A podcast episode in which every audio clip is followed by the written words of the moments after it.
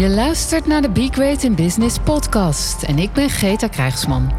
Hier onderzoeken we hoe je als hardgedreven vrouwelijke ondernemer voluit voor je next level in business kunt gaan. Hoe je ziel en zakelijkheid combineert. Waar je naast inspiratie concrete tips en tools krijgt om vol zelfvertrouwen succesvol te zijn. Schaamteloos ambitieus. Om je ideale business en leven te creëren.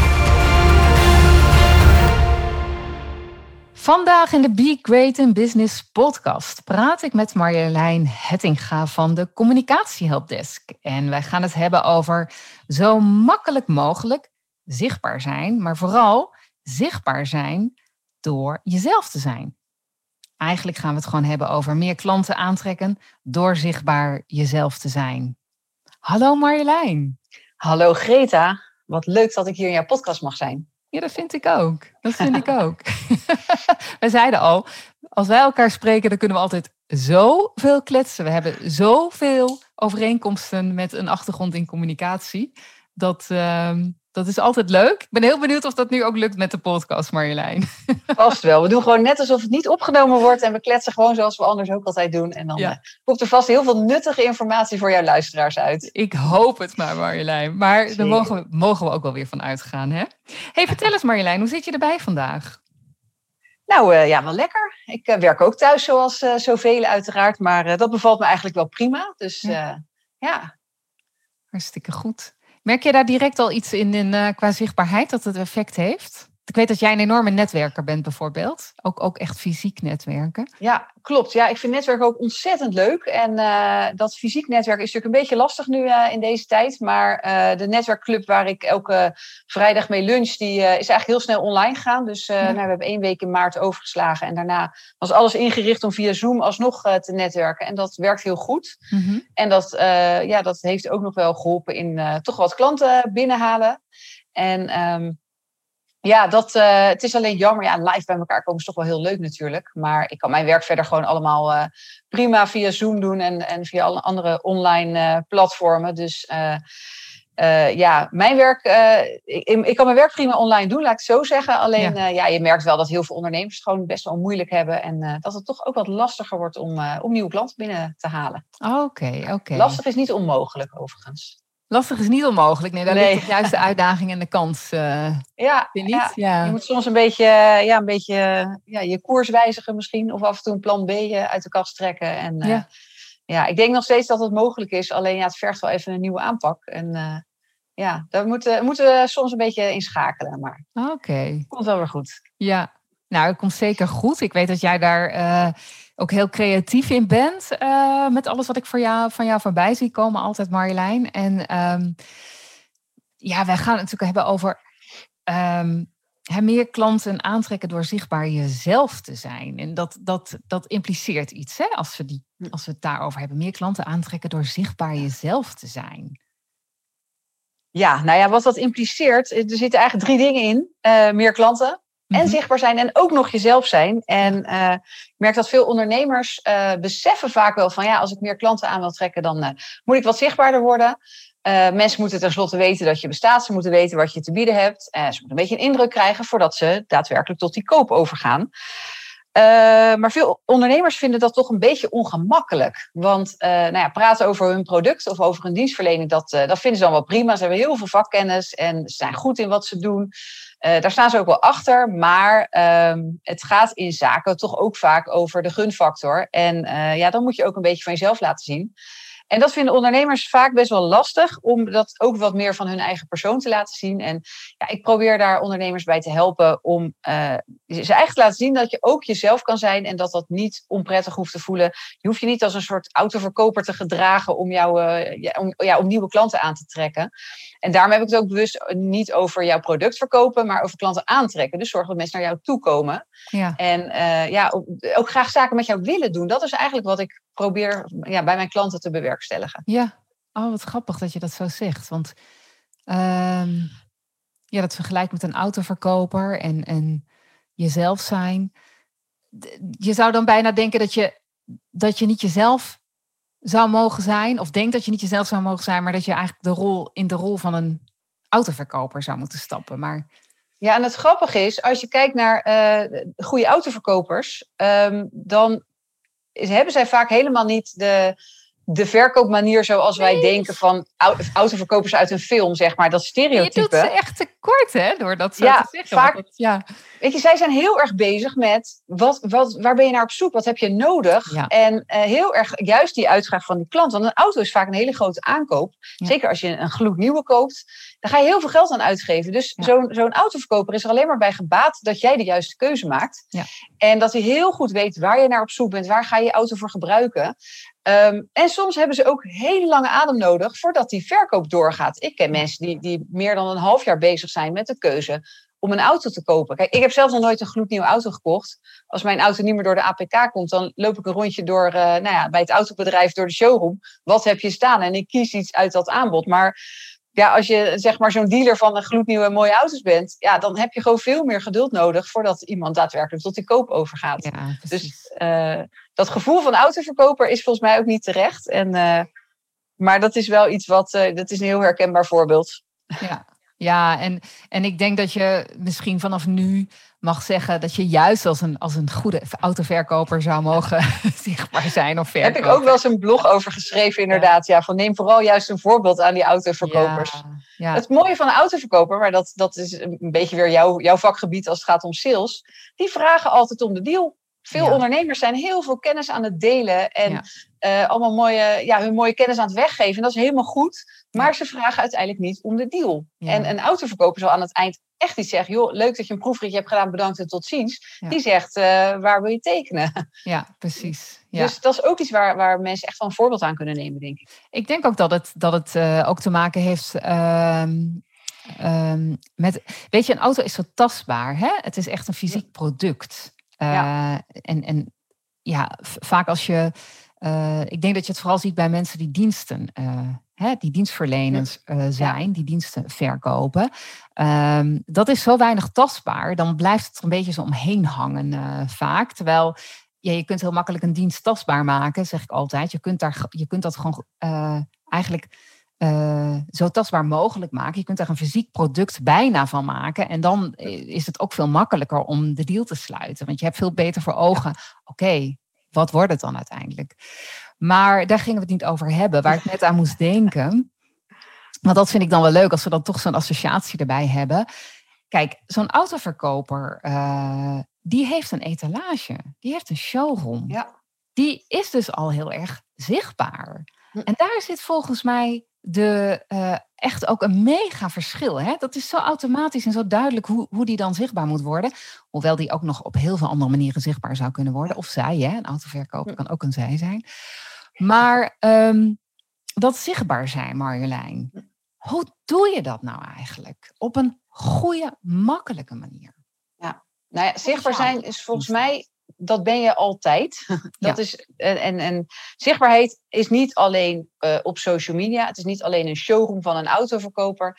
In feite alles wat je doet, wat je zegt, hoe je gedraagt, maar zelfs hoe je je kleedt, dat geeft een bepaalde boodschap. En dat geeft een bepaald beeld van hoe jij bent. En ik vind eigenlijk dat je dat je, je daar ook echt bewust van moet zijn um, dat dat klopt. Ja. Dus als ik ga netwerken, trek ik toch net even iets leukere kleren aan en loop ik meestal op hoge hakken. Terwijl in het weekend, als je mij op zaterdag op de markt tegenkomt, loop ik op gimpen en in spijkerbroek. Ja.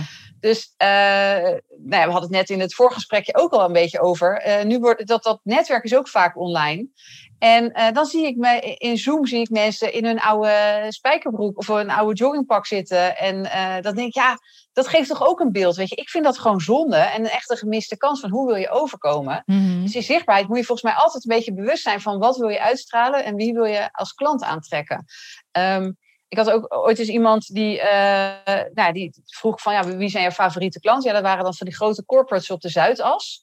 Waar je allemaal mannen in een driedelig pak en strak en weet ik veel wat. En mm. dan keek ik naar hem en dan zag ik ja, oude spijkerbroek, oude gimpen, een t-shirt uit zijn broek, weet je wel. Mm toen dacht ik ook, ja, sorry, maar dat is zo niet een match met de klanten die jij dus voor ogen hebt. Dus je moet op zijn minst gaan, probeer een beetje dichter bij die klant te komen. Maar daar krijg je natuurlijk weer dat verhaal van, hoe, hoe uh, ja, kan je dan nog wel jezelf blijven? Ja, ja. En dat is dus dat is die afweging van, uh, ben jij ook nog jezelf? Als je in zo'n geval net schoenen aantrekt, als je even een overhemdje aantrekt en hem in je broek stopt. Ehm, of voel je het dan al helemaal niet meer prettig? Als dat het geval is, blijf dan lekker jezelf met je afgetrapte gimpen. Maar dan vrees ik dat die, die corporates op de Zuidas, dat dat niet jouw ideale klant misschien is. Dan moet je daar even naar gaan kijken. Ja. Van of er wel een match is. Weet je, daar, daar gaat het uiteindelijk om de match vinden van wat jij als ondernemer te, te bieden hebt en te vertellen hebt.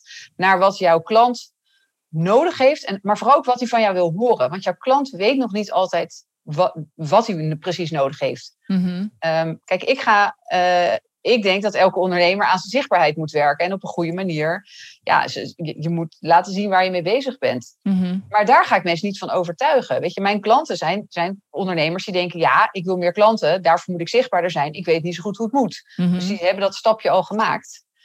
En als ik iedereen nu wil gaan overtuigen van mijn missie, ja, iedereen moet zichtbaar worden, Mhm. dan gaat dat, dat is geen match. Het wordt heel moeilijk om zo nieuwe klanten binnen te halen, denk ik. Maar is dat jouw missie, dat iedereen zichtbaar moet worden? Nee, dat, nee dat, dat is, als dat mijn missie zou zijn. Maar Ja. nee, mijn missie is juist om het om onder, ja, ondernemers op een goede manier zichtbaar te maken om ze en op die manier meer klanten aan te trekken. Ja. En vooral ook te laten zien dat het niet zo moeilijk is als er vaak over gedacht wordt.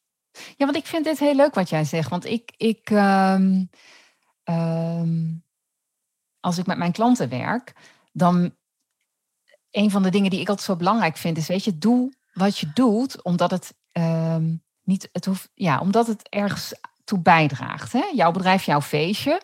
Dus doe wat jouw bedrijf jouw feestje maakt, waar jij je prettig bij voelt. En soms is dat, zijn het ook dingen die niet zo comfortabel zijn, zoals bijvoorbeeld zichtbaar worden. Maar zichtbaar worden om het zichtbaar worden is geen doel op zich. Hè? Nee, het Dus is echt een middel. dat- Ja. Ja. het is echt een middel. Dat is volgens mij ook wat jij bedoelt. Ehm, want dan, dan schiet je je doel toch ook voorbij, hè? Nee, ja, ik krijg ook wel eens eh, aanvragen van, eh, van ondernemers die zeggen: ja, ik moet ook op social media, maar ik, kan je me daarbij helpen? Of eh, ik moet nieuwsbrieven gaan versturen. En dan is mijn eerste vraag: ja, van wie moet dat? Ja. Je, van mij hoeft het niet. Ja. Eh, ik, en dat is, ik heb een beetje een stappenplan, wat ongeveer uit zes stappen bestaat. En dan begin je bij stap vier. Dan ga je schieten met hagel, dan ga je maar dingen proberen.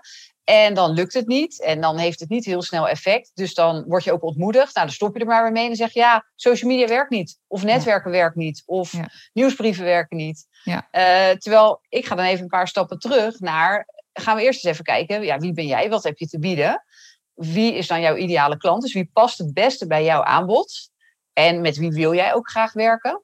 Eh, dan gaan we kijken, ja, waar vind je die klanten? En ook wat, ja, wat moet je boodschap zijn? Wat heeft die klant van jou nodig? Ja. Is die al heel ver in, in zijn beslisproces? Of weet hij eigenlijk nog stiekem niet dat, dat hij jou nodig heeft? Weet je, ik, ik kwam laatst een filmpje tegen, twintig jaar geleden, vroegen ze mensen op straat van, eh, of ze een mobiele telefoon zouden willen. En nou, en het gros zei, nee, lijkt me echt complete onzin. Nee, joh, ik heb toch gewoon een antwoordapparaat. En ja, stel je voor, dan zit ik op de fiets en moet ik gaan zitten bellen. Nou, en dat- je nu denkt, ja, je kan niet voorstellen. Nog, maar twintig, ik kan zo aan je doorsturen. Maar dat is Ja. maar twintig jaar geleden, hè? Toen wisten mensen nog niet dat ze nu... We kunnen niet meer zonder mobiele telefoon. Dat ding zit aan onze hand vastgeplakt onder, on- ongeveer. Ja. Dus soms zijn mensen, zijn jouw klanten helemaal nog niet zover dat ze weten dat ze jouw product heel graag willen hebben. Maar daar kijken we dus naar. En dan pas gaan we kijken welke middelen zet je in. Waar, waar zit het laaghangend fruit? Waar, waar ga je het snelste en het beste resultaat bereiken? Ja. En dan begin je pas met middelen inzetten. Dan heb je eigenlijk een heel voortraject al gehad. En dan ga je zien dat het veel succesvoller is. Dan weet je ook van op welke manier je dat moet gaan doen. En dan, Ja. nou ja, daar komt een heleboel misschien bij kijken. Maar dat zijn een beetje de stappen. Dus daarna ga je kijken van nou, wat werkt, wat werkt niet. Evalueren. En weer even een nieuw, eh, nieuw plan maken, zeg maar. Ja, wat leuk dat je dat zo zegt. eh, eh. want wat je eigenlijk benoemt is, jouw klant heeft een latente behoefte. En, en die probeer je eigenlijk wakker te maken. Hè? Maar hij, heeft, hij, hij of zij heeft wel al een behoefte. En wat je eigenlijk doet, is die, ja, inderdaad wat ik net zeg, je triggert om dat wakker te maken. Om die persoon daar bewust van te maken. Ja, en, en soms hebben ze, eh, weten ze nog niet inderdaad eh, zelf dat ze die behoefte hebben. Soms kom je dingen tegen, eh, nou ja, dat zou je zelf misschien ook herkennen. Je zit te scrollen op, eh, op Instagram en je ziet een product voorbij komen. En denk, nou, dat is handig. Ja. Nou, ik wist eh, vijf minuten daarvoor nog niet dat ik het nodig had. En opeens Nee. wil ik het kopen. Precies. Helaas gaat het voor de meeste van onze ondernemers niet zo, niet zo snel. Maar ehm, kijk, ik zeg altijd ja, meer zichtbaarheid en daardoor meer klanten. Maar meer klanten is ook niet per se de echte behoefte van mijn, mijn, uh, van mijn klanten. Nee. Die willen meer omzet. Waarom willen ze meer omzet? Omdat ze dan, weet ik, van leuker leven of een grotere auto kunnen kopen of vaker op vakantie. Of uh, ze willen minder uren gaan werken, dus ze willen betere klanten.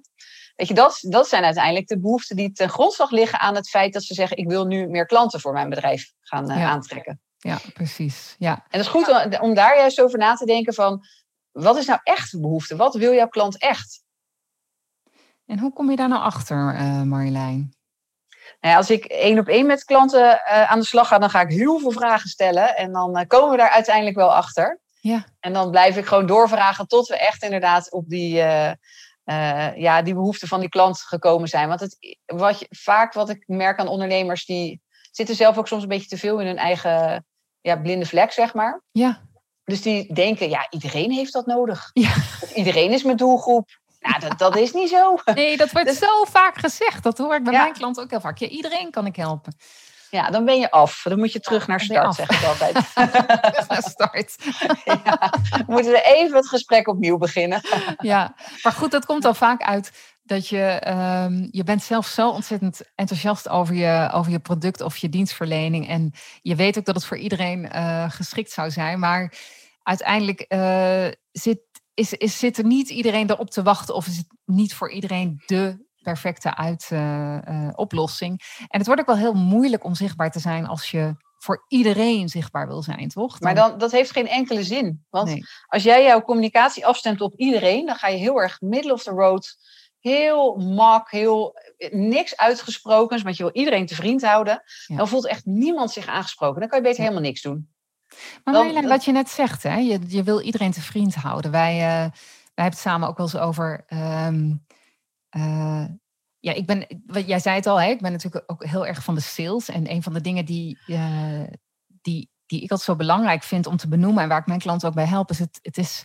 Sales is vaak zo moeilijk omdat we zo bang zijn voor die afwijzing. Maar dat heb je dus ook heel erg met dat zichtbaar zijn, hè? die afwijzing. Eigenlijk wil je iedereen te vriend houden. Nou ja, dat is een beetje natuurlijk ons brein. Wij, wij houden niet eh, van om afgewezen te worden. We willen graag bij de groep horen. We willen graag een kudde om ons heen. Ja, Eh, in ons ja, het antwoord kan- nee zijn. En ja, dan zijn we helemaal blij in de gloria. Maar nee, dan kunnen dagen van slag zijn. ja. En met zichtbaarheid, ik merk dat heel veel mensen, voordat ze zichtbaar zijn ehm, of, of durven zijn, dat ze heel veel bezwaren hebben in de trant van, ja, dadelijk vinden mensen er wat van. Of Ja. dadelijk gaan mijn concurrenten reageren. Of eh, dat kan ook zijn met netwerken bijvoorbeeld. Social media is, een, ja, is wel voor, voor veel ondernemers een ding, omdat ze. Ja, je gooit het op internet, dus iedereen kan het zien. Nou, dat maakt je natuurlijk best wel een beetje kwetsbaar. Maar ik zie dat, dat eigenlijk mensen hetzelfde soort bezwaren hebben als ze eh, denken dat ze moeten gaan netwerken. Ja. Kijk, ik vind netwerken echt onwijs leuk. En het maakt mij niet uit. Zet mij in een zaal met honderd eh, onbekenden. Binnen vijf minuten heb ik wel heb ik tien mensen gesproken, bij wijze van spreken. ja, Maar echt, als je. Wat zeg je? Dat is echt zo bij jou, hè?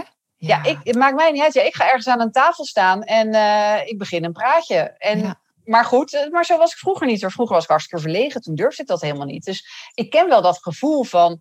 Oh mijn god, moet ik ergens heen? Ik weet niet of ik, of ik bekenden tegenkom. Met wie ga ik praten? Dadelijk kent iedereen elkaar. En dan, eh, dan sta- staan ze met de ruggen naar me toe. Ja, hoe ga ik me er dan tussen wringen? Ja. Dat heb ik echt wel moeten leren. Maar nu vind ik het gewoon onwijs leuk. En dat maakt me ook wel heel zelfverzekerd. Dat ik ook zeg, joh, maakt mij niet uit waar je me neerzet. Ik, ik raak wel aan de praat met iemand. Ja. Maar dat heb ik ook moeten ervaren en, en moeten leren van... Oké, als je niet, niet vanzelf aan de praat raakt, hoe ga je dan... Hoe neem je zelf dat initiatief? Maar die ondernemers die dat nog niet ervaren hebben, die denken van ja, dadelijk eh, ken ik niemand. En eh, dan voel je je ook afgewezen. Dan voel je ook alsof je buiten de kudde gesloten wordt. Ja. Dus ik snap heel erg goed dat ja, die gevoelens die er zijn. En eh, in de praktijk denk ik, als je daar overheen weet te zetten en even een klein beetje die comfortzone weet op te rekken, dat het eh, allemaal heel erg meevalt. En ook bijvoorbeeld op social media, het gebeurt gewoon echt niet zo vaak dat je nare reacties krijgt. En vaak kan je aan de reactie ook wel zien dat het meer zegt over die persoon dan over jou of over het bericht wat jij geplaatst hebt. Mhm, mhm. Bij, eh, als je een beetje bij een leuke netwerkbijeenkomst bent, dan, dan zorgt de organisatie al dat jij je thuis voelt. Je, ik ben lid van een ondernemersvereniging waar eh, nieuwe leden of mensen die eigenlijk introducees, dus die voor het eerst komen, die Mhm. krijgen gewoon een kleurtje op hun eh, naamsticker. Want Oh ja. dan weet iedereen, oh, geel, die is eh, voor het eerst hier vandaag. Nou, dan moet ik even een praatje mee maken. Oh, dat is lief. Weet je, of ja. nieuwe leden. Oh, je bent net lid geworden. Nou, hartstikke leuk, weet je. Ja. En, de- en zo binnen de kortste keren gaat iedereen daarmee praten. Nou, dan heb je dat al goed gefaciliteerd. Ja. En dan wordt het helemaal natuurlijk makkelijk. Dat is wel, ja, want, want ehm, weet je iets over mij? Daar moest ik net aan denken. ehm, voordat we de podcast begonnen, daar had ik eigenlijk mee willen introduceren, maar dat ben ik helemaal vergeten. Doe alsnog even. Nee, maar weet je, iets wat veel mensen. Nee, weet je wat ik wilde zeggen? Is ik, ik ben zelf iemand, ik sta heel, ik ben heel graag zichtbaar. Hm. Als ik een podium krijg. Ja, Weet je, dat is echt. eh, dat, dat is mij, mij zo duidelijk geworden op een gegeven moment. Weet je, als jij zegt: Oké, Greta, kom spreken. Hè, of ik geef jou een podium. Nou, ik sta direct. Ik, heb, ik, Ja. ga, ook, ik ga ook. Ik, ik vind het helemaal leuk. ik vind het helemaal gaaf om in het middelpunt van de belangstelling te staan. Dat gaat me ook heel goed af. Zelfs als het onvoorbereid is. Dat, dat durf ik echt hardop te zeggen. Eh, ik weet niet of er altijd iets. Als het, of het heel. Nee, er komt altijd iets zinnigs uit. Maar het is misschien niet altijd zo effectief dan. Hè, want dan is het toch niet voorbereid. Maar weet je, ik vind het heerlijk. Hm. Maar wat ik dus echt moeilijk vind, is inderdaad als ik zo, wat jij zegt, in zo'n groep hè, binnenkom lopen, dan in mijn eentje, ja, dan ben ik, in, die zin ben ik helemaal niet zo makkelijk zichtbaar. Vind ik eigenlijk heel erg eng. Ja, dus dat is best wel een soort hè? Ja. tegenstelling, hè? Nou ja, jij moet dus e- echt je podium krijgen en dan pak je hem ook. Ja. Eh, in plaats van zelf. Ik, en ik denk dat het echt maar een kleine stap is. Ja. Gewoon vaker doen. Weet je wel, gewoon weet van oké, wat ik te zeggen heb is gewoon zinnig. Ik ben Ja. een leuk mens. Ik, ben, ik heb wat te vertellen. Eh, nou ja, wat we al zeiden, weet je, wij kunnen zo'n uur podcast vol praten zonder, zonder enig probleem. En ik denk dat jij dat met heel veel andere mensen ook hebt. Ja. Dus als jij bij zo'n netwerk binnenkomt lopen, heb je ook binnen de kortste keren gewoon een leuk gesprek. Ja. De eerste keer dat wij elkaar ontmoeten, hadden we ook gelijk eh, hartstikke leuke gesprekken. Ja. Dus ergens heb jij in je hoofd gepland van iemand anders moet mij soort naar voren schuiven en op dat podium duwen. En dan ga ik ervoor. Ja. Maar als er niemand in de buurt is om jou dat podium te geven, dan opeens eh, dan durf je niet meer of zo. En dat, nee, eh, maar weet je, ja, wij hebben het er natuurlijk ook eens over gehad. Hè? En, en, en deze, deze podcast gaat er ook over. Hè? Door echt eh, jezelf te zijn. Maar hè, en, en echt jezelf zijn is misschien ook wel erachter komen dat. Nee, nou maak ik het heel ingewikkeld. Ehm, weet je wat het is als ik dan mezelf zou zijn en ik zou mezelf wat naar voren toe drukken? Ehm, Weet je, ik doe dat ook best wel. Hè? Ik bedoel, als wij zo eh, de eerste keer dat wij elkaar ontmoeten, ja, dan stap ik ook wel op je af. Ik durf ook echt wel op mensen af te stappen. Maar ik, ik weet wel dat ik, juist misschien omdat ik dat ook wel fijn vind, hè, of om, om zo'n podium ook even te pakken of wat te zeggen. eh, mijn ervaring is ook wel eens dat, dat mensen dat afgestraft hebben, weet je. Of mensen, weet je, dat je echt wel bijvoorbeeld de opmerking kreeg, ja, jij moet ook zo nodig of jij bent arrogant. En dus dan heb je het weer over afgewezen worden. Nou, dacht ik, ja, dat ben ik. Oh, als je mij echt kent, dat ben ik echt niet, weet je. Maar ja, Ja. Ik, ik vind als je me iets vraagt of er wordt in de groep wat gevraagd, ja, dan geef ik antwoord. Vind ik leuk, meediscussiëren, weet je. Of inderdaad gewoon hè, een presentatie geven. Ehm, dus ik denk dat ik dat voor mezelf een soort van verward heb. eh, hoe dat dan werkt bij mezelf. En zeggen, oh, oké, dan word ik dus afgestraft. Ik voel me afgestraft. Ook moet maar een beetje in, indimmen. En ehm, nou ja, ik denk dat sinds, sinds twee jaar of zo ik dat wel weer aan het, eh, aan het overwinnen ben. Oh ja, maar mijzelf zijn is juist dat ik dat heel erg leuk vind. Mijzelf zijn is juist dat ik die stap naar voren zet. Ehm, Ja. ja. Maar dat, het komt ook wel vaak ergens vandaan. Het Ja. is ook helemaal niet, eh, niet gek. Dat, en zeker als je een keer een ervaring hebt gehad van iemand zegt... nou, eh, jij moet altijd maar haantje de voorste... of jij moet altijd maar ja, grote mond... of je bent te arrogant. Dat, het grappige is dat we dat soort dingen... die zitten in ons brein vastgeplant... en die gaan er eigenlijk niet meer uit. ja. Dus dat, dat associeer jij met, ja, als, toen ik een keer dat deed, toen kreeg ik gelijk zulke reacties. Ja. Maar al die tig keren dat je op een podium hebt gestaan en applaus kreeg en dat mensen naar je toe kwamen van, nou, wat een goed verhaal, of eh, ik heb heel veel van je geleerd, of weet je, al die positiviteit, op, voor het gemak vergeten we die maar. ja. Dus dat is gewoon zo zonde. Terwijl als je, zou, als je even dit in de weegschaal legt, dan heb je misschien één keer een nare reactie op tien keer een positieve reactie. ja. En eigenlijk zouden we meer moeten kijken naar van oké, die positieve gevolgen. En het- we nemen een klein risicootje dat er een keer iemand iets van vindt. En eh, ja, dat is inderdaad, eh, en dat, dat speelt bij heel veel mensen. En volgens mij is dat heel, heel natuurlijk. Maar eh, als je daar bewust van bent, dan kan je daar misschien wat aan doen. En dan kan je denken van nou, ik ga toch even een keer proberen. ja, toch even buiten die comfortzone te stappen. En eh, kijken hoe ver ik dan kom en kijken wat je dan voor reacties krijgt. Ja, want wat ik altijd vind, uh, Marjolein, hè, ik ben ook wel benieuwd hoe jij daarin zit. Ehm, kijk, we, zichtbaar zijn is net als sales. Hè? Als jij een succesvolle business wil hebben, als, als je klant wil hebben, moet je zichtbaar zijn. Ja.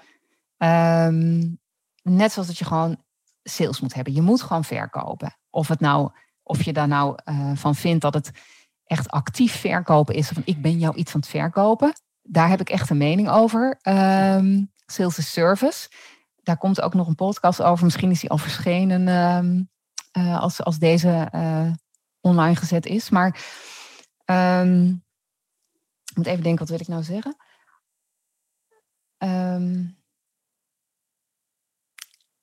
Ik ben het even kwijt. Dat is toch ook wat. Net als met sales, zichtbaarheid. Ik denk dat het ging over dat je misschien dat je een beetje kwetsbaar op moet stellen. Of... Ja, dat is toch ook wat. Nou, we, we gaan dit er ook niet uitknippen, Marjolein. niet eens? Ah, jammer. Oh, wat heftig. Ik weet even niet wat ik wilde zeggen. Wat stom is dit. Nou, goed, waar waren we gebleven?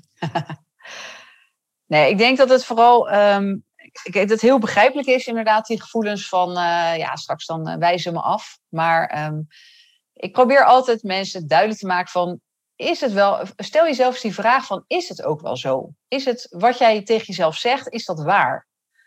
Ja. En um, ik had laatst wel een mooi voorbeeld. Een, uh, ik had een sparsessie met een dame, heel nou ja, hoog opgeleid, intelligent, echt al jaren ondernemer, weet echt alles van haar vak.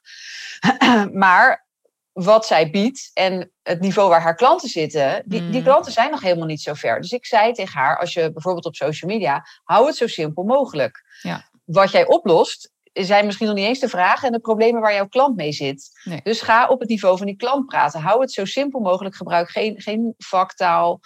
Um, en toen zei ze ja, dat, ik hoor al wat je zegt. En ze zegt ja, dat is grappig, want in gesprekken en als ik voorstellen maak voor, voor potentiële klanten, dan kan ik dat heel goed. En dan, mm-hmm. dan, dan is dat geen enkel probleem.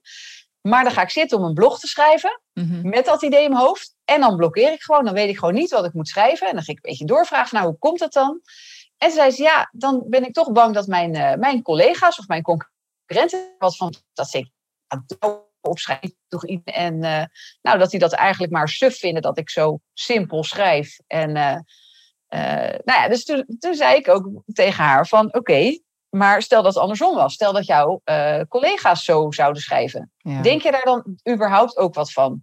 Denk je ook van nou wat stom en uh, nee, ja, nee, nee, nee, dat niet. Ik zeg, en als je het zou denken, zou je dat dan zeggen tegen ze? Ja, nee, nee, natuurlijk niet. Zeg, zou je re reageren op social media? Nee, natuurlijk niet. Ja. ja. hoe groot acht je dan de kans dat jouw concurrenten dat wel gaan doen? Dus ja. die, die angst is al vaak een beetje ongegrond. En dan nog, jij, jij doet jouw zichtbaarheid voor jouw klanten. Ja. Jij wil je klanten helpen. Jij wil ja. je klanten ook helpen een goede keuze te maken. Dat is ook natuurlijk met sales. Het is niet puur een product verkopen, maar zorgen dat jouw klant de juiste keuze maakt. Ja. En dan maakt het niet zoveel uit wat je concurrenten ervan vinden. Nee. Maar dat is wel iets wat ik zelf ook nog tegen mezelf wel moet zeggen af en toe hoor. Van oké, okay, hier ga ik misschien opmerking over krijgen. Nou, dat is dan maar zo. Weet je, Ja. kijk eerst even wie maakt de opmerking. En uh, dan kijk ik pas of ik me er wat van aan ga trekken of niet. Ja. Nou, ik, wat, ik, ik weet alweer wat ik wilde zeggen. En ik, ik snap nu ook dat ik even haperde, omdat ik het uh, even twee dingen door elkaar heen uh, haalde. Maar kijk, het gaat over dat je de ander wil helpen. En dat je je over je ongemakkelijkheid heen zet. Hè, zoals sales service is, is het met zichtbaarheid eigenlijk ook zo. Dat je gewoon Ja. mensen kunt helpen door je eigen verhaal te vertellen, door jezelf te zijn, door ehm, hè, wat, wat, wat handreikingen, handreikingen te doen eh, in, in wat je vertelt. Mensen kunnen zich verbinden door het verhaal wat je vertelt. Um, en nee, dan heb je, of ja, dan kan het zijn dat een aantal mensen dat verhaal of dat die presentatie of dat blog of dat wat je, whatever, hè, uh, afwijzen. Maar diegene voor wie het bestemd is op dat moment, die worden zo geraakt, die worden zo geholpen. En dat is zo ontzettend waardevol. Ik, Ja. ik, ja, ik heb dat zelf inderdaad een keer meegemaakt dat ik een presentatie gaf. Dat is echt al jaren geleden. Um, dat ging over uh, weet je, beren op de weg zien. Ook over jezelf zijn trouwens. Hè? Jezelf mogen zijn, authentiek mogen zijn. En ik vertelde toen over, uh, uh, ook over de angst voor dingen. Hè? Beren op de weg zien, daar overheen komen. En toen kwam er na afloop kwam er een dame naar mij toe. en die zei, die moest echt huilen. En die zei, Geet, je hebt echt iets in mij wakker gemaakt. Want ik realiseer me gewoon nu dat ik niet mezelf ben door niet mijn uh, oorspronkelijke taal te spreken. Zij kwam uit Zuid-Afrika en ze sprak Zuid-Afrikaans. En, uh, en, en dat is voor mij zo, uh, zo essentieel eigenlijk, dat ik, ik mis dat en ik was dat kwijtgeraakt. En door jouw presentatie heb jij dat weer aangewakkerd bij mij. En vanaf die tijd is zij inderdaad gewoon veel meer Zuid-Afrikaans gaan uh, spreken. Ze is ook klant, ze heeft een, een traject bij mij gedaan, klant geworden van mij. Maar dat, dat kwam allemaal pas veel later. Maar dat ik dat dat dat gebeurde bij haar, dacht ik, ja, ik, ja, weet je, dat, dat is uiteindelijk de toehoorder waar het over gaat. Weet je? Ja, dat is toch zo, ja, zo gaaf dat je zo'n reactie bij iemand veroorzaakt. Ja. En dan, alleen, weet je, daar hoef je nog niet eens. Het is leuk dat ze uiteindelijk klant is geworden, maar ik denk dat je vooral dat gevoel van: oké, dit heb ik dus bij iemand bereikt, dat is natuurlijk fantastisch. Ja. Jij blijft voor altijd op haar netvlies. Ja. Weet je, ze heeft gewoon, jij hebt er echt weten te raken. En ja. uh, dan zijn er mensen die misschien vinden dat jouw verhaal, uh, nou ja, dat niet zo interessant vinden of wat dan ook. Ja, prima, maar dat, dat is niet waarvoor jij dat verhaal ja. vertelde of waarvoor jij die presentatie gaf. Nee, je vertelt het verhaal echt, dat bedoelde ik ook te zeggen, van uh, je mag ook loslaten of dat wel of niet klanten uh, oplevert. En dat zij uiteindelijk hè, later nog klant is geworden, is, is voor het verhaal eigenlijk helemaal niet relevant. voor mij was het feit dat er iemand geraakt werd door het verhaal, was voor mij de beloning. Weet je? Ja. Dat, en, en wat ik daarvan geleerd heb, wat ik dus nu ook altijd tegen mijn eigen klanten zeg, als je iets gaat doen wat je spannend vindt, realiseer gewoon waarvoor je het doet. Weet je, hm. dat je de ander een cadeautje geeft met jouw verhaal. Door jezelf te zijn, door het op jouw manier te doen. Want dat raakt, dat verbindt. Ja. ja eigenlijk als ik een trucverhaaltje had gegeven, als ik een, hè, een, presentatie had gegeven die niet over mij ging, of over mijn kwetsbaarheid, of wat ik overwonnen heb, was zij nooit geraakt. Hè? En, nee, en ik, ik denk dat daar ook de truc zit en dat het dan ook veel minder spannend wordt. Als jij uh, nou ja, zichtbaar wordt op social media of je gaat naar zo'n netwerk met de insteek van oké, hoe kan ik anderen hiermee helpen? dan uh, is dat heel anders dan, oké, ik moet hier omzet uithalen. Ik moet aan het eind van de middag, moet ik dit bedrag, moet ik een handtekening voor hebben. Ja. Dat voelt toch ook gewoon ja, een beetje naar. En, en ik, ik ben echt niet tegen geld verdienen hoor, absoluut niet. En uh, hoe meer, hoe beter. Mm. Maar geld verdienen door mensen te helpen en ze daarmee ook je ambassadeurs te maken, dat is ook op de lange termijn veel interessanter. Ja, maar dat is, dat is, dat is echt duurzaam. En dat is wat ik bedoel met sales is service. Hè? Het gaat over kan je iemand helpen met waar diegene behoefte aan, aan heeft? En heb ik iets wat daarop uh, past? En ja, dan, dan is er een ruil in geld. Maar dat is uiteindelijk waar het over gaat. En dat gaat niet over op dat moment per se een ja halen op, op, de, aan, op de opdracht. Hè? Dat gaat over, maar dan hebben we het over een verkoopgesprek. Maar dat, dat gaat echt over aftasten van. En dan hoef je ook niet bang te zijn. Je hoeft dus niet bang te zijn voor een afwijzing. Want daar ben je dus niet mee bezig. Je bent juist bezig met wat heeft die ander nodig? Uh, maar dat is, dat is volgens mij hetzelfde geldt wat met zichtbaarheid. Uh, uiteindelijk is zichtbaarheid gaat vooraf aan de, de sales inspanningen die je daarna moet gaan leveren. Ja. Maar in feite heb je wel een beetje hetzelfde doel.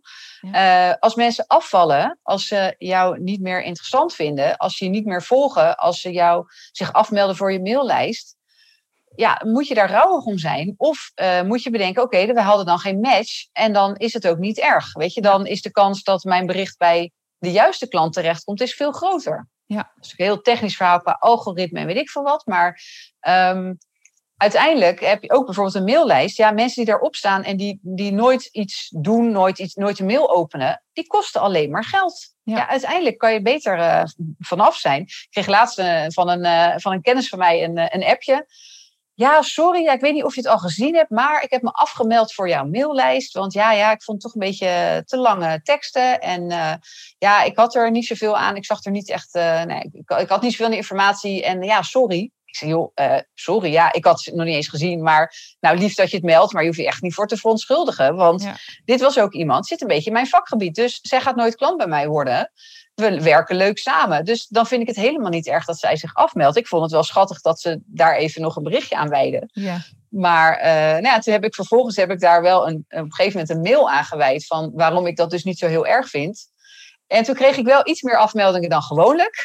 Maar als ik dan kijk naar wie meldt zich af, dan zijn het allemaal mensen die toch nooit klant gaan worden waarschijnlijk. Dus die hebben braaf elke keer op die maillijst gestaan, omdat ze dachten, ja, ik vind het lullig om, om me af te melden. Maar nu durfden ze het blijkbaar ja, moet je niet rouwig om zijn. Weet je, je moet zorgen dat er dan weer mensen op je lijst komen die wel misschien een keer klant bij je gaan worden. Die wel op jouw verhaal zitten te wachten. Aan de andere kant krijg ik namelijk ook vraag, vaak opmerkingen van ja, als ik jouw mails lees, dan is het net alsof je naast me zit. Of ik hoor het je gewoon vertellen. Ja, ja. ja dat is wat ik wil, weet je. En dat zijn uiteindelijk ook mensen die mij een keer gaan inhuren. Dus ja. Uh, ja, niet, dat, daar niet te veel uh, aan die negatieve dingen denken, zeg maar. Want dan ga je ook met een verkeerde insteek aan je zichtbaarheid werken. Ja, en wat je gaat natuurlijk ook met een andere mindset eraan uh, beginnen. Ja, en, en kun je daar wat. Uh, want ik was even benieuwd. Hè? Jij zei uh, in het begin van de podcast, nou, op twee, twee vierde, denk ik ergens. Zei jij, je hebt zes stappen, toch? Zes stappen waarmee je mensen helpt. En ik ben wel benieuwd. Waar help je mensen dan precies mee om zichtbaar te zijn? En wat zijn dan die zes stappen? Ja, nou, ik heb het net al een klein beetje verteld. Ik begin met uh, echt een. Nou, als ik één op één met klanten aan het werk ga, dan krijgen ze echt een maatwerkplan, uh, zeg maar. Mm -hmm. um, en dan begin ik gewoon met kijken van wie ben jij als ondernemer? Wat heb je te bieden? Dat is stap één. Ja. Uh, want eerst moet je zelf heel goed weten wat, wat is nou jouw product? Weet je, wat is jouw, wat was, en, en met name, wat is het resultaat van wat jij biedt? Ja. Ook waar onderscheid jij je in van je concurrenten? Ja. Um, dus waarom moeten mensen voor jou kiezen en niet voor een ander? Dan ga ik kijken, nou, wie is jouw ideale doelgroep? Of mm -hmm. jouw ideale klant? Nou ja, dan weer, ja, als je iedereen zegt, ben je af. Gaan we even opnieuw beginnen. Ja. Um, en dan gaan dus we heel. transport mensen. Ja, eigenlijk wel, ja. ja. Maar dan gaan we gewoon heel specifiek kijken. Of, of, ik probeer dat zo specifiek mogelijk te krijgen. Van wie is nou die, die klant? Um, en dat is dus degene waar je daarna alles op gaat richten. Ja. En um, ik geef altijd advies. Ga, probeer een soort persoon voor, voor je te zien. Misschien heb je wel één klant die, waarvan je nu denkt, oh, dat is nu mijn ideale klant, is mijn favoriete klant, daar wil ik er nog tien van. Ja. Doe dan bij alles wat je aan je zichtbaarheid doet, alsof je het tegen die persoon hebt. Ja.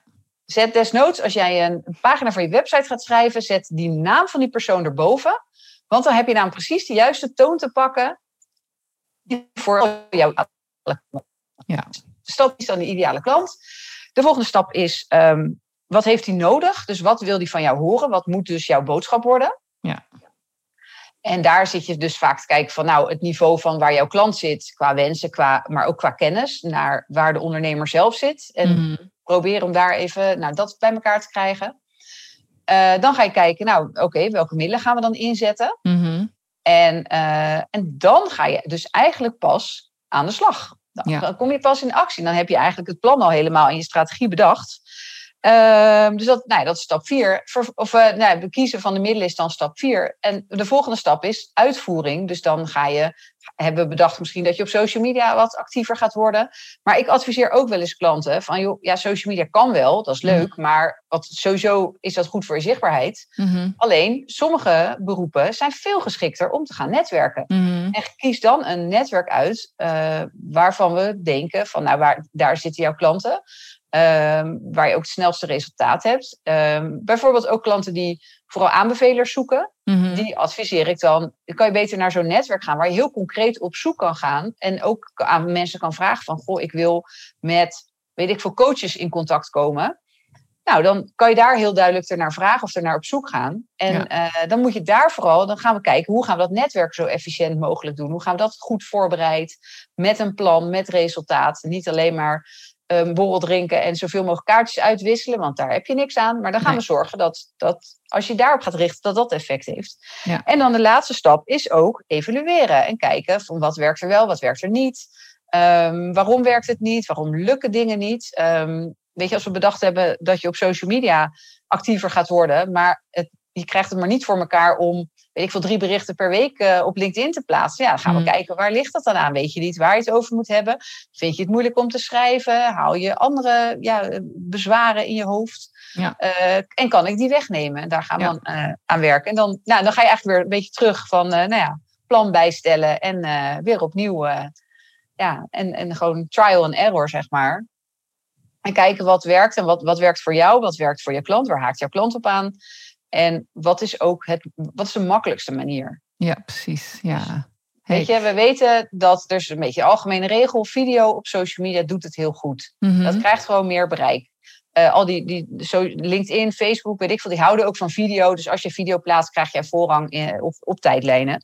Maar als jij zo'n camera echt verschrikkelijk vindt, Mhm. ja, ga er maar aan staan. Dan ga je staan stotteren en staan stuntelen. En dan zie je van die mensen die helemaal rood worden in hun gezicht. En dan eh, zijn ze aan het zoeken naar wat ze, wilde ik ook alweer zeggen. En dan, ja, dan is het zo ongemakkelijk ook om naar te kijken. Niemand hoort meer wat je zegt. Iedereen is een soort met, oh, dat arme kind staat er maar een beetje, eh, krijgt een soort plaatsvervangende schaamte. Mhm. Ja, dan komt je boodschap niet aan. Dat, dan moeten we niet met video aan de slag gaan. Weet je, dus daar kijk ik ook echt naar. Ja, want dat is ook iets waarvan jij dan, eh, wat jij ook bedoelt met jezelf zijn. Zoals dat medium dan totaal niet bij jou past. Nee, je mag het wel een keer proberen. Ja. En eh, wat ik ook wel eens aanraad, is ga gewoon even droog oefenen. Dus ehm, als je denkt van nou, video is toch wel iets waar ik wat mee wil. Ja. Nou, ga je gewoon tien video's opnemen en die gooi je allemaal weg. Maar dan Oh ja. heb je al tien keer, heb je, ja, dan gewoon met de, de afspraak. Ik, heb ook, ik zit in zo'n mastermind eh, clubje. En daar, eh, eentje daarvan, die had op een gegeven moment ook, die zegt, ja, ik wil heel graag gewoon video's gaan plaatsen, maar ik durf niet. En eh, nou, toen was de eerste stap, gewoon de eerste maand van, oké, je gaat een video maken en je deelt hem alleen in onze appgroep. En voor, en voor de rest doe je er helemaal niks mee. En eh, nou, dat had ze gedaan. En uiteindelijk was ze er zo tevreden over dat ze hem ook geplaatst had. Mhm. Maar ehm, voor mijn part ga je eerst tien video's opnemen. En met het idee van, nou, ik, dat gaat toch niemand zien. Want dan voel je al een beetje prettiger. Dan wen je een beetje aan die camera. Dan weet je ook dat je in de camera moet kijken in plaats van je spiekbriefje daarnaast, zeg maar. Dus dan, eh, dan kijk ik gewoon van, nou, kunnen we het op die manier makkelijker maken? En eh, als dat lukt, is mooi. En als na een paar weken of een paar maanden we denken, nou, dat lukt nog steeds niet. Ja, dan moeten we een andere weg kiezen. Hey, maar zijn mensen dan niet bang dat ze dan, eh, als we het nou eens even hebben over angsten om zichtbaar te zijn? Dat vind ik wel een leuk. Moest ik net even aan denken. Angsten om zichtbaar te zijn. Iets wat ik bij mezelf herken. Hè? Ik wil straks trouwens ook, iets, ook horen wat jij bijvoorbeeld bij jezelf hebt moeten overwinnen om zichtbaar te zijn. Ik merk dat ik, dat ik, dat ik zo'n struggle had, heb ik met mijn kinderen wel over gehad. Jezelf zijn op social media bijvoorbeeld. Ja, dan moet je gewoon daar mag je gewoon mee spelen, mam. En dan zei ik, nou, daar mag je mee spelen. Maar dat betekent dat ik dan de ene keer met eh, eh, zonder make-up eh, zichtbaar ben. En de andere keer met make-up. Dus de ene keer zie je gewoon dat ik enorm veel rimpels heb. En de andere keer niet. Nou, ik vind het nogal wat. Ik moet dat echt, weet je. Ja. Ehm, en daar hoor ik, je hoor ik al- toch? Ja, nou ja, weet je. Ik, het- ik kan het toch wel iets meer doen, Marjolein. Ik ben wel heel consequent in stories. Eh, dat is de, ik merk dat ik dat gewoon echt wel consequent eh, toepas. Weet je, Hm. echt de stories op Instagram. Daar heb ik echt wel eh, in overwonnen dat ik daar die filmpjes en de video's en eh, daar, daar ben ik wel echt heel consequent in. Maar ik heb wel echt dat moeten overwinnen. Zo van oké, de ene keer dan ben ik gewoon volledig in de make-up en de andere keer heb ik dus die make-up niet op. En voor mijn kinderen was het zo normaal, omdat die al zo bekend zijn bijvoorbeeld met dat social media. Zo van ja, ja, de ene keer zit je inderdaad gewoon, hè, dan heb je het gewoon, ehm, hoe noem je dat nou, bewerkt. Hè? Dus ja, Ja. dan, dan laat je gewoon het mooiste van jezelf zien. Is, is eigenlijk niet helemaal, helemaal zoals de werkelijkheid is. Hm. En de andere keer laat je de werkelijkheid in zijn vol ornaat, laat je dat zien. Hm. Ja, Maar ik vind Ik niet dacht- dat de afweging moet zijn van eh, ik ga wel of niet met make-up of ik laat alles achter de schermen zien of niet. Uiteindelijk moet, moet je eerst kijken van ja, wat wil je bereiken? Ja. Als jij eh, jouw klanten wil helpen over een bepaalde drempel heen, omdat die ook zo'n, nou, misschien meer zelfvertrouwen nodig hebben of eh, weet je, dan kan het heel goed werken dat jij als voorbeeld geeft van joh, gewoonlijk zit ik ook in de make-up, maar ik laat me af en toe ook even zonder zien. Want dan Ja. laat jij je ook op een kwetsbare manier zien. Dan kan dat heel erg bijdragen aan jouw doel. Ja. Ehm, het kan ook zijn dat, kijk, ik, ik denk ook, je moet jezelf zijn, maar ja, op social media ben ik toch een beetje de beste versie van mezelf. Dan Ja. ga ik ga geen, eh, geen lelijke foto's van mezelf plaatsen. Ehm, ik ga toch, ja, je kijkt toch een beetje van, nou ja, hoe, eh, ook, ook dingen die je deelt, weet je wel. Ik, ik deel wel veel op social media, maar niet heel veel van mijn echte privéleven. Ehm, dat, doe, dat doe ik op mijn privékanalen, zeg maar, maar waar ik niet iedereen toevoeg. Ehm, ik deel wel mijn mening en mijn visie over bepaalde dingen. Of Ja. ik wind me wel eens ergens op. Als het enigszins met mijn vakgebied te maken heeft, dat soort dingen. Dat, zo persoonlijk maak ik het. En, maar dat is een keuze, vind ik. Ja. Ehm, dus je hoeft, eh, je- ja, jezelf zijn. ehm, ik denk dat je vooral moet kiezen van hoeveel van jezelf wil je laten zien. Ehm, maar je hoeft niet alles te delen. Eh, als iemand altijd gewend is om overal strak in de make-up. Dat is eigenlijk een beetje hetzelfde als dat, dat verhaal met die Zoom-netwerkbijeenkomsten. Als ik iemand gewoonlijk altijd in een mooi pak tegenkom met mooie schoenen en zijn haren gekamd. En nu opeens zit hij daar eh, met ongekamde haren en een, en een slobberige trui. Vind ik dat een beetje afdoen aan het plaatje wat ik van Ja. iemand heb. En ik zou dat dan niet adviseren. Nee. Dus, Nee, maar weet je, ik, ik vind dat. Ik ben dat helemaal met je eens. Ehm, waar het uiteindelijk over gaat, is, is wat wil je uitstralen en wat, wat, waarvoor doe je dit? Hè? Welk doel dient dit niet alleen voor mij, maar ook ik vind ook vooral voor, voor de kijker. ja, Weet je, wat heeft de kijker eraan als ik mezelf zit te zijn op een manier waar die hun niks brengt? Weet je, dan denk ik, ja, waar, uiteindelijk eh, neem je een filmpje op of plaats je dingen omdat je, omdat je de ander ook iets wil bieden. Hè? Of het nu ja. eh, entertainment is of inspiratie of omdat je echt informatie wil delen. Hè? Eh, maar je wil wel iets toevoegen voor de ander. Maar dat zou voor elke ondernemer, vind ik, de, de basis moeten zijn van alles wat je doet. Ja. Dat je dat, eh, nou ja, niet als een narcist, zeg maar, doet om jezelf alleen Nee. maar, nou ja, weer eens in de spotlight te zetten. Precies. Maar dat je wel voor ogen houdt van, oké, wat waar zitten mijn volgers op te wachten? Ja. En ik kan me zomaar voorstellen dat ze eh, van mij niet eh, zitten te wachten op een foto in mijn sportkleding bijvoorbeeld. Want dat heeft niks met mijn vak te maken. Nee. Maar ik heb wel eens een keer iets geplaatst over dat ik een half marathon had gelopen in, eh, weet ik veel, in zes weken training. Dat was een heel spontaan eh, een beetje idee, zeg maar. Dan had ik weer een link gelegd naar eh, dat je zeg maar met een goed plan en een beetje toewijding, dat je best wel heel veel kan bereiken in een hele korte tijd. Als je maar heel erg leuk vindt of heel erg, nou heel erg blij ervan wordt, weet je, dan leg ik een link en dan laat ik dus wel weer een inkijkje in mijn, mijn privéleven zien. Ja. Omdat ik denk, ja, dit, hier kan ik wel een mooi verhaal van vertellen, waar mensen zich misschien ook in herkennen, waar ze misschien wat aan zullen hebben. Ja, en bij mij is het, weet je, het, de discussie over wel of niet je make-up op is. Ik heb overigens altijd mascara en eh, eh, hoe heet het nou, eyeliner en zo op. maar niet altijd full face, weet je, dat je eh, je foundation op hebt. Maar dat, dat was. De discussie ging er natuurlijk uiteindelijk over. ehm, waar, waar voegt dat iets toe? En ik merkte gewoon, ik ben iemand die eh, uit wil stralen. Het is jouw bedrijf, jouw feestje. Dit is, dit is een van de fundamenten van hoe ik werk met mensen. En mijn bedrijf, mijn feestje betekent ook dat ik niet altijd. eh, weet je, soms is het ook lekker om eh, in je spijkerbroek te werken. Als ik naar klanten ga, zal ik bijna nooit. Nou, het kan een hele nette spijkerbroek zien, maar dat zie je niet zo vaak gebeuren. Weet je, ik, dat, net als jij zegt, ja, dan heb ik hakken aan als ik naar klanten ga. Ehm, dus weet je, je hebt dat stukje naar buiten toe gericht. Maar op social media komt dat af en toe, bijvoorbeeld bij stories, komt dat af en toe wat, eh, loopt dat wat door elkaar heen. En dat ik wel dacht, ja, dit wil je wel functioneel inzetten. Hè? Dit, dit, ehm, dus voor mij was het wel relevant om erover na te denken, oké, hoe, hoe, hoe doe ik dat dan? Ja. En ik, Maar ja, stories zijn daar natuurlijk heel geschikt voor. En eh, je moet denk ik ook kijken van wat, wat plaats je waar. Ja. Dus zo'n eh ongemake-upte foto waar, waar iemand ochtends even met hond aan het wandelen is. Ja, is- prima voor stories. Ja. Dat is niet meer iets waar je een Instagram bericht aan, eh aan wijdt bijvoorbeeld. nee. Dus die stories die hebben natuurlijk heel vluchtig karakter. ehm, zijn ook echt wel heel leuk om een beetje inkijkje in iemands leven te Ja. geven. Dus ik denk juist dat het daar heel prima is. Ehm, en nogmaals, weet je, het past ook heel erg bij jou, jouw visie op, Ja. eh, op het ondernemerschap eigenlijk. Ja, absoluut. Hey, en, en wat heb jij overwonnen in jouw zichtbaarheid?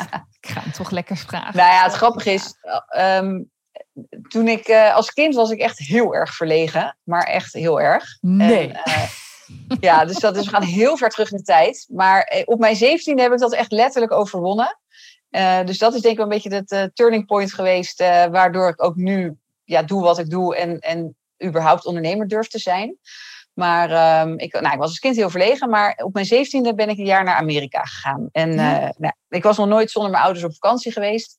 Maar ik dacht, nou ja, ik, ik had al sinds de brugklas geroepen. Als, als iedereen vroeg van, goh, wat wil je later worden? Of wat ga je later doen? Ja. zei ik, dan weet ik veel. Ik zit in de brugklas. Maar ik ging naar Amerika, want ik keek heel veel tv. Nou, Amerika, dat leek me echt toen nog het beloofde land. Ja. Maar um, nou ja, toen had ik dat vijf jaar geroepen. Toen moest ik wel, maar eigenlijk durfde ik helemaal niet. Want ja, ik, joh, ik, nou ja, ik durfde nog niet eens uh, op, überhaupt op een vreemde af te stappen. Laat staan dat ik een heel jaar met alleen maar vreemden. Maar ja, ik had zo vaak geroepen dat ik wel moest. Ik was ook een beetje koppig. Dus ik ging en ik kreeg toch een heimwee daar. Ik was hmm. echt, ik, in het begin, nou, ik miste alles hier. Ik vond het echt, uh, ik vond het heel moeilijk. Uh, ik, had, ik zat daar in een heel leuk gastgezin. Ik zat daar op school. Ik leerde allemaal mensen kennen. Maar ik, ik voelde me zo ongemakkelijk daar. Ja. En dat heb ik echt wel een paar maanden gehad, dat ik af en toe echt diep ongelukkig was. Mm Maar ja, ik, vond ook, ik wilde ook niet naar huis, want ik had toch besloten dat ik dit een jaar ging doen. Dus ja, dat moest ook gebeuren. En toen heb ik letterlijk op een gegeven moment bedacht van... oké, dit kan zo niet langer. Ik zit hier echt heel ongelukkig te zijn. Dus uh, als ik, ik wil, moet hier wat van maken. Mm En dan moet ik gewoon uit mijn comfortzone stappen. En uh, ik, ja, die verlegenheid moet ik afschudden. Want dat mhm. gaat me gewoon nergens toe brengen. En dat, dat heb ik echt nou, toen letterlijk gedaan. Van gewoon allemaal allerlei dingen gaan ondernemen. Uh, op school bij allerlei clubjes en in het voetbalteam. En uh, uh, bij een aan het toneelstuk meegedaan, notabene. Mm maar daar is wel het begin. Eigenlijk was dat van dat ik gewoon echt op dingen afstapte. Weet je, dat ik gewoon echt actief dingen ging ondernemen. Van oké, ik, ik, ik zit nu hier, dit bevalt me niet, ik wil daarheen. En dit het moet nu maar eens afgelopen zijn. Nu ga ik gewoon actie ondernemen. En uh, ja, dat is, dat is voor, voor mij wel uh, het moment geweest dat ik, uh, dat ik heel veel van die verlegenheid heb afgeschud. En waardoor ik later ook wel veel meer durfde. En uiteindelijk ben ik, nou ja, jaren later, um, heb bij een uitgeverij van Huis en Huisbladen gewerkt op de redactie. Dus toen moest ik ook wel wat meer naar buiten treden. Toen moest ik ook nog wel zelf stukjes schrijven. Dus dan moest ik ook wel echt op, dingen af. Um, daarna heb ik bij het Leids Dagblad gewerkt. En daar was ik, had ik wel echt een beetje PR-functie. En uh, uh, ik ging ook netwerken voor de krant. Dus toen mm. kwam ik op heel veel netwerkbijeenkomsten. En, en daar had ik in het begin ook wel dat gevoel van... oh, daar ken ik niemand. En nou, ik vond het allemaal maar uh, best wel spannend. Maar ja, het hoorde bij de functie. Dus ik, ik ging dat ook wel gewoon doen. Zo was ik dan mm. ook wel. En het grappige was toen dat, uh, omdat ik bij de krant werkte, dat vinden mensen heel interessant. Dus als ze op mijn naambordje Leids Dagblad zagen staan, dan, dan wilden ze allemaal met, me praten. Dus het was eigenlijk, merkte ik daar best heel snel van, uh, als ik ergens binnenkom, dat vinden mensen toch wel leuk, uh, dat er iemand van de krant is. Dus dan had ik zo aanspraak. Um, en toen ik uiteindelijk daar wegging en voor mezelf begon, uh, toen ging ik dus ook gewoon weer netwerken. En ik kende al heel veel mensen, dus dat, ik kwam altijd wel bekenden tegen. Maar het was wel even wennen dat, ja. um, dat zodra ze ontdekten dat ik niet meer bij de krant werkte, dat ik ook een stuk minder interessant was geworden. Dus toen weer heel erg zelf, zeg maar, die, nou ja, weer die aanspraak moest gaan, uh, gaan zien te vinden. En, ja. uh, maar goed, weet je, dat toen had ik ook wel van ja, ik heb al zoveel genetwerkt het lukt ook altijd wel. Dus dat, dat ging wel wat sneller dan, uh, dan die eerste keer toen ik daarmee begon. Maar wat heb je dan overwonnen? Want je kwam me eigenlijk wel weer tegen van oeps, nu uh, heb ik niet meer dat, dat, dat naamkaartje. Hè? Uh, Leids, ja, gewoon gedaan ook. Want kijk, um, ik was toen voor mezelf begonnen. Ik was in, um, in 2012, ja, 2011 heb ik mijn baan opgezegd. Toen ben ik een jaar op wereldreis gegaan. En dat was midden in de crisis. Maar ik dacht, nou ja, als ik na een jaar terugkom, dan, uh, dan gaat het wel beter met de economie. En als je wil werken, dan lukt het altijd wel. Nou, dat mm. was allebei niet het geval. Uh, maar ja, ik had ook geen uitkering, want ik had natuurlijk zelf mijn baan opgezegd. Dus uh, ja, ik had wel het idee van, ja, ik moet gewoon, uh, ik moet gewoon geld hebben, ik moet gewoon ja. werken. Dus plan B werd mijn eigen bedrijf. maar daardoor had ik wel echt zo'n hele sterke drive om er wat van te maken. Want ja. ik, na een jaar reizen was mijn spaargeld ook wel een beetje op. Ja.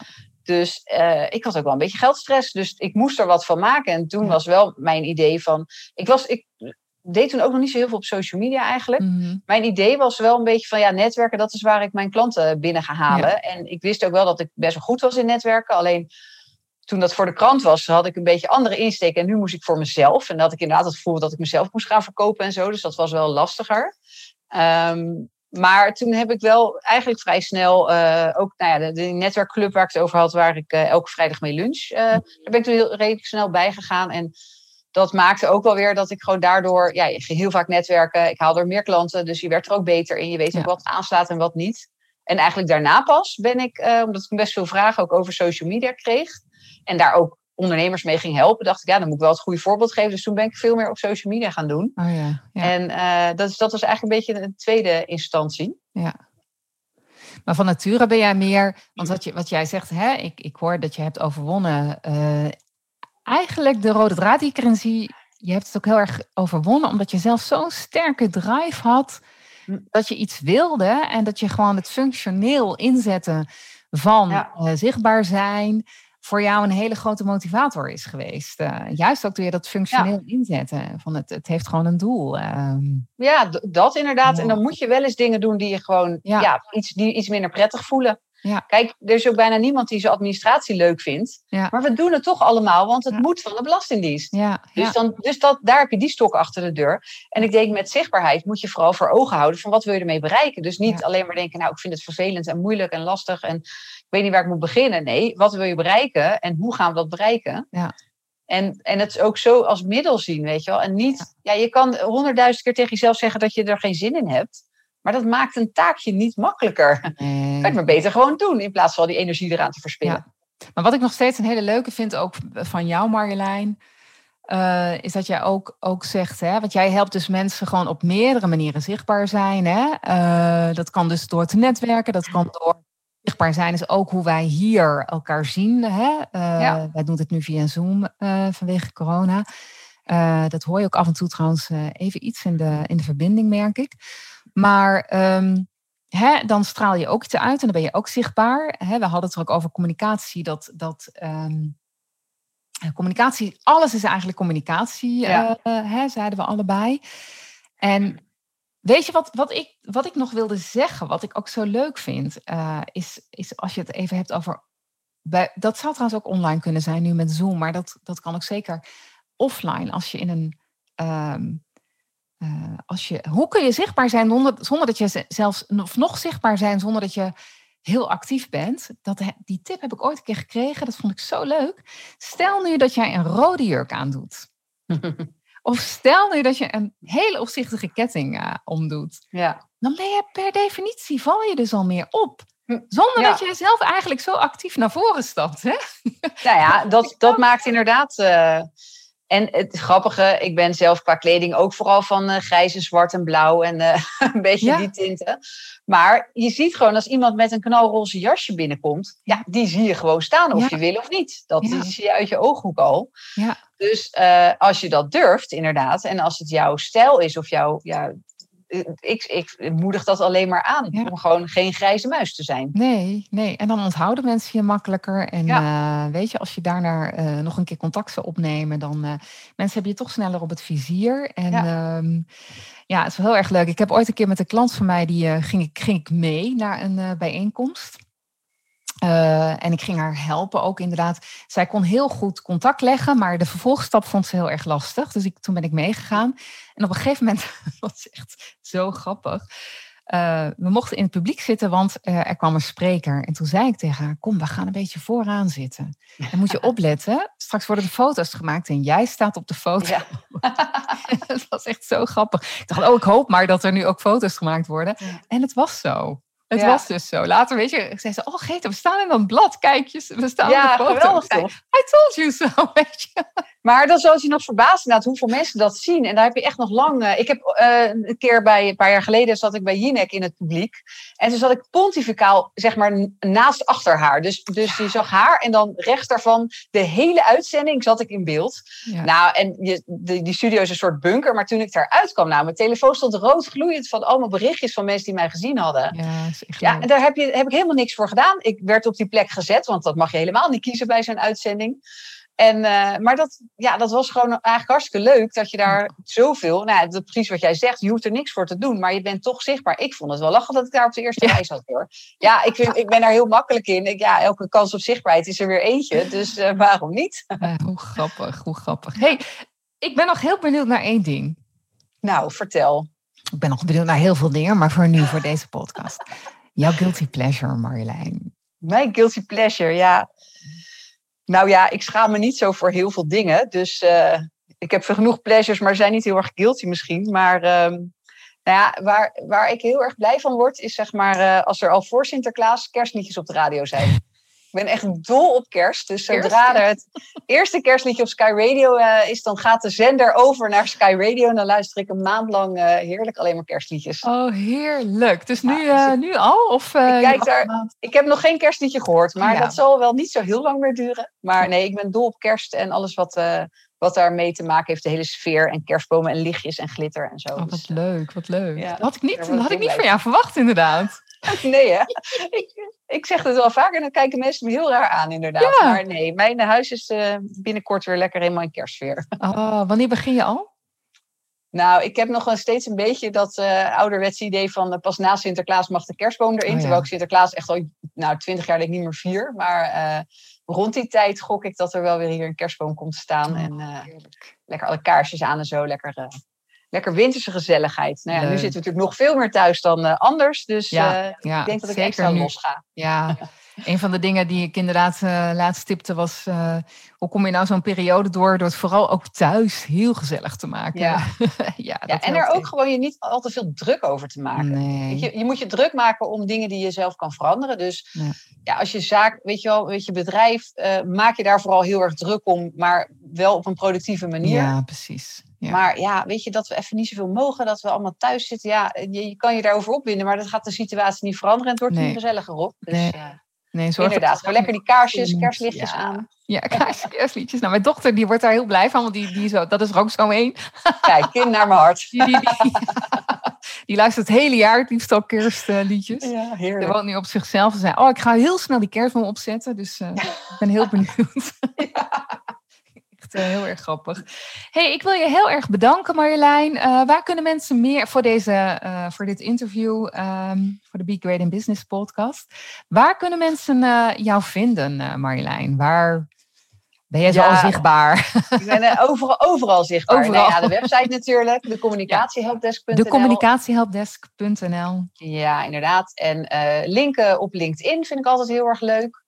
Um, uh, Instagram zit ik, Facebook zit ik. Ik heb een Facebook community, uh, de klantenmagneet community. Dus als mensen het leuk vinden om daar lid van te worden, daar kan je ook al je vragen stellen over zichtbaarheid. Je kan dingen ja, voorleggen, je kan met de medeleden sparren. Dus uh, ja, ja, waar je maar wilt, zou ik zeggen. Dus, nou, helemaal goed. Ja. Hey, ik wil je ontzettend bedanken en ehm, nou, fijne kerst. Ja, dankjewel. Jij bedankt voor de uitnodiging. Ik vond het hartstikke leuk. Dus, ja, uh, ik ook. Dag Martijn. Dag. Hi, hi.